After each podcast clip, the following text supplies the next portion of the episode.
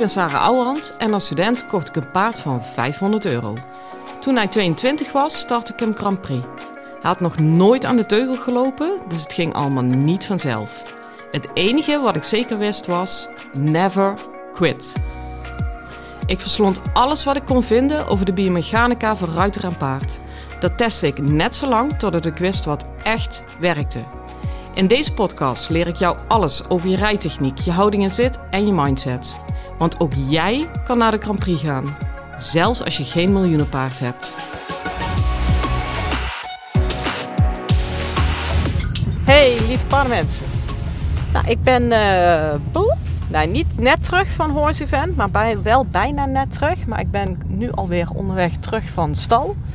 Want uh, iedereen snapt dat als je op Horse Event bent geweest, dat je absoluut nog even naar je eigen paard moet. Want anders is het zielig. Uh, dus daar ben ik nog even geweest. En uh, ja, ik moet wel zeggen, zoals ze in Brabant zeggen, ik ben ook kijkpot. maar het was echt, echt heel erg tof. Ik had in alle eerlijkheid beetje dat ik dacht, hmm, hoe, vol hoe vol gaat de tribune zijn? Want ik was eigenlijk natuurlijk helemaal nergens aangekondigd. Ik stond niet eens in het voorgedrukte programma. Want meneer Haamstra had afgezegd en daar hebben ze mij voor ingevlogen. Nou, die tribune, het viel nog reuze mee. Er waren absoluut lege plekken hoor. Ik bedoel, ik ben ook geen Charlotte Fruy. Maar uh, het was zeker vol genoeg.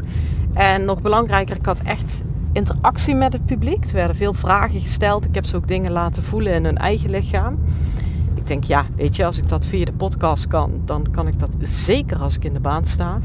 Dus dat is ook gelukt. Ik had ook echt um, ja, een fantastisch paard bij me. Met Denise en met Mad Max. Ja, de beest. Dat laat alles zo ontzettend goed zien. En ja, als jullie me langer volgen, is dit geen nieuws. Maar nog een keer benadrukt van ja jongens, wij denken onze houding op te bouwen als een bouwpakketje. Van oh ja, armpje hier, beentje daar en do. Maar zo werkt het gewoon niet. Als je links iets verandert, verandert rechts ook iets. Als je boven iets verandert, verandert er onder ook iets. Dat is één grote complexe samenhang en daar heb ik vooral echt op getimmerd. Zo van ja, weet je, we hebben het continu over naar de hand toerijden. Uh, en wat die paden daarbij allemaal zouden moeten doen. Uh, maar er zit ook nog iemand op. En als de radartjes, de tandwieltjes in jouw lichaam niet allemaal de goede kant op staan, heb je nog niks. En wat bijvoorbeeld heel erg mooi was bij Denise, dat is het leuke van die paard. Uh, ja, de paard trekt gewoon keurig netjes naar voren, is recht, gewoon op twee teugels, helemaal uh, joepie, die durven mee te nemen. En toen vroeg aan het einde op een gegeven moment iemand van... Uh, ja, als ik uh, hals trek, ik heb een beperking in mijn handen... dan moet ik echt mijn armen helemaal naar voren steken en naar voren gaan hangen... want ik kan die teugels niet laten vieren, want die zitten aan mijn handen vast met lussen. Nou, dat is natuurlijk hartstikke lastig. Uh, dus toen zei ik, ja, weet je... Uh, daar ga je natuurlijk het halstrekken niet helemaal mee halen... maar als je een paard lucht en lengte in de hals wil geven of gewoon wil nageven, is het los van dat verhaal over die lussen bij de handen überhaupt een veelgemaakte fout dat mensen dan veel te veel hun hand naar voren steken. Maar wat je dan eigenlijk zegt is, ja, dat paard wordt dan net lekker nagevelijk, of die wil zakken of die komt een hand of hoe je dit wil zeggen. En vervolgens verbreek jij de verbinding omdat je die hand te ver naar voren steekt en hem ja, als ik het heel onaardig zeg, gewoon in de steek laat. Uh, en dat juist op het moment dat hij wil zakken. Dus dan flikkert hij twee keer op zijn bek. Snap je? Uh, en met alle goede bedoelingen hoor, die hand afsteken. Maar wat je daar veel beter in kan doen, en dat gaat ook in podcasts. Is dat één of twee? echt in, in the very beginning heb ik ook een podcast opgenomen over ehm, een zachte teugelvoering, de gouden tip. En dat is als je toe wilt staan in je hand, of in je teugelvoering kan ik beter zeggen, dan volstaat het vaak echt door alleen je polsen te ontspannen. En dan denk je misschien van ja, is zo weinig, dat, dat kan niet. Ja, jongens, geloof mij nou, als je polsen alleen al ontspant, dat is echt genoeg ruimte geven. Natuurlijk niet voor het halstrekken. Hè? Nou ja, ik heb dat omgedraaid. Denise heeft op zich uh, zachte polsen, die demo-ruiter die ik bij me had. En ik zeg, nou weet je wat, we gaan het eens omdraaien. Want ik wil gewoon nu het effect zien. Denise, wil je even eigenlijk blijven rijden zoals je rijdt. En eigenlijk maar één ding veranderen, als dat al mogelijk is in al die radertjes. Maar het enige wat je nu bewust verandert, is je pols aanknijpen. Of spanning op je polsen zetten. Nou jongens, echt, als je dat effect op die teugelvoering had gezien, hey, die ging gewoon zijn mond sperren, dat beest. Die ging er helemaal tegenin wringen. Denk, ja, weet je, ik ben nou nooit trots en blij dat ik met een paard in de baan rij uh, die zijn mond continu opent. Maar nu ben ik er blij mee, want dit is zo fucking obvious. En ja, ik was vooral heel erg blij dat ik uh, daardoor zo mooi mijn punt kon maken hoe kleine dingen echt het verschil maken. Ja, daar heb ik eigenlijk continu op zitten timmeren uh, met groot resultaat. Ja, ik, uh, hij is opgenomen door de hoefslag en hij wordt binnenkort, die demo, wordt hij uh, aangeboden op hun website. Kan je nu natuurlijk nog niet vertellen wanneer, maar in ieder geval TZT zal ik absoluut even jullie een seintje geven. daarbij aanvullend is ook nog leuk, kijk, ook over die polsen, hè als je die afknijpt of daar spanning op zet, voel voor de grap eens even wat er dan in je onderrug gebeurt. Dus hoezo kan je nog meebewegen als je alleen al je polsen vastzet? En uh, ik heb ze op die manier heel veel kleine, subtiele dingen laten zien. En um, ja, je zit daar natuurlijk weer met de publieke opinie. Hè? Dat is echt zo ontzettend lastig momenteel om als professional in dat veld te werken. Uh, want ik kwam daar aan en het eerste dat iemand, wat die omroepster zei van, ah, wat ontzettend jammer dat je je haflingen niet bij hebt.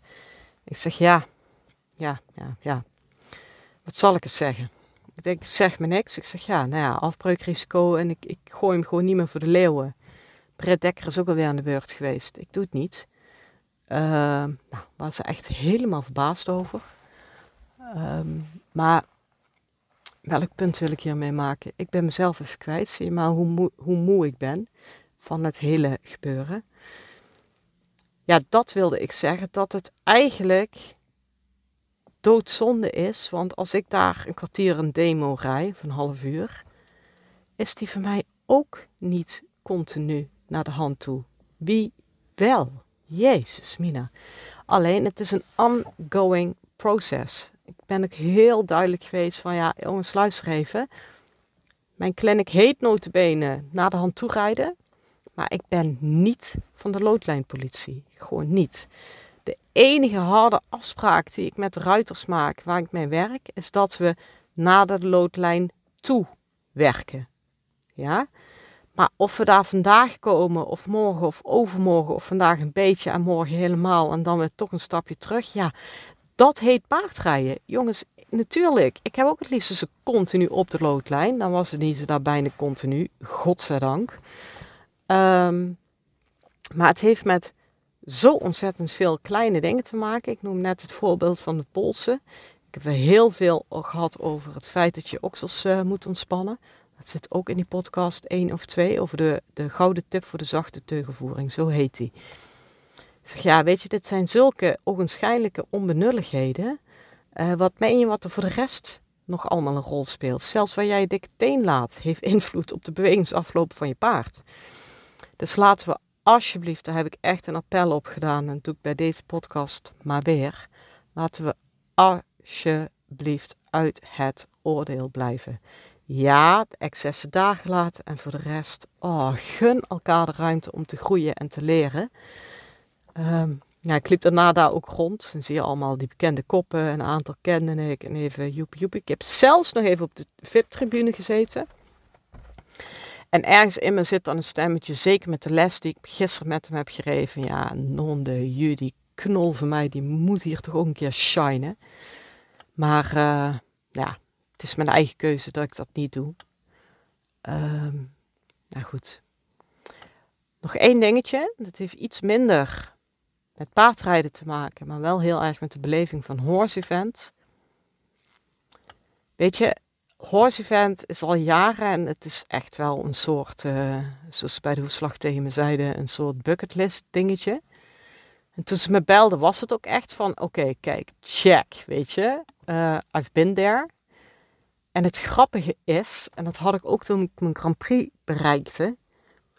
Ja, daar, daar werk je naartoe, daar leef je naartoe. Uh, de Grand Prix natuurlijk veel meer dan horse event. Het was altijd een beetje latent aanwezig.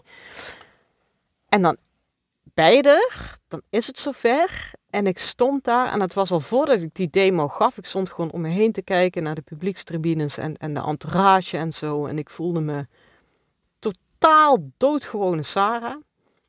En toen bekroop me bijna het gevoel, zonder dat ik iets van mezelf tekort wil doen, van ja, is dit het nou? Dat was echt zo'n grappige gewaarwording van... Ik weet zeker, als ik daar als deelnemer had rondgelopen en ik had die mensen gezien, dan had ik daar op een gezonde manier tegenop gekeken. Van, oh ja, dat zijn de pro's.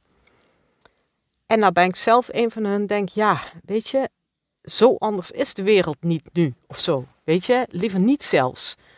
Um, ja, blijft gewoon grappig om te merken dat je, dat je in je hoofd uh, tegen dingen op kan kijken. Heel veel dingen, heel veel aan dingen toe kan schrijven. En dat het dan uiteindelijk allemaal weer zo ontzettend betrekkelijk en relativerend is, dat ik denk, ja, misschien is dat ook wel ouder worden. Ik vond het in ieder geval heerlijk, want dat betekende dat ik niet zenuwachtig was. Ik nou, dat, dat is echt uh, de winst van de eeuw. Nou, met die winst ga ik ook afsluiten. Het is echt een beetje een, uh, een korte impressie van mijn dag op Horse Event. Ehm, nogmaals, ik laat je weten wanneer het op de hoefslag staat. Dan kan je die demo voor een kleine prijs kopen. En ik wens je voor nu een hele fijne dag en veel plezier met je. Hoi! Lieve ruiters, dit was hem weer voor vandaag.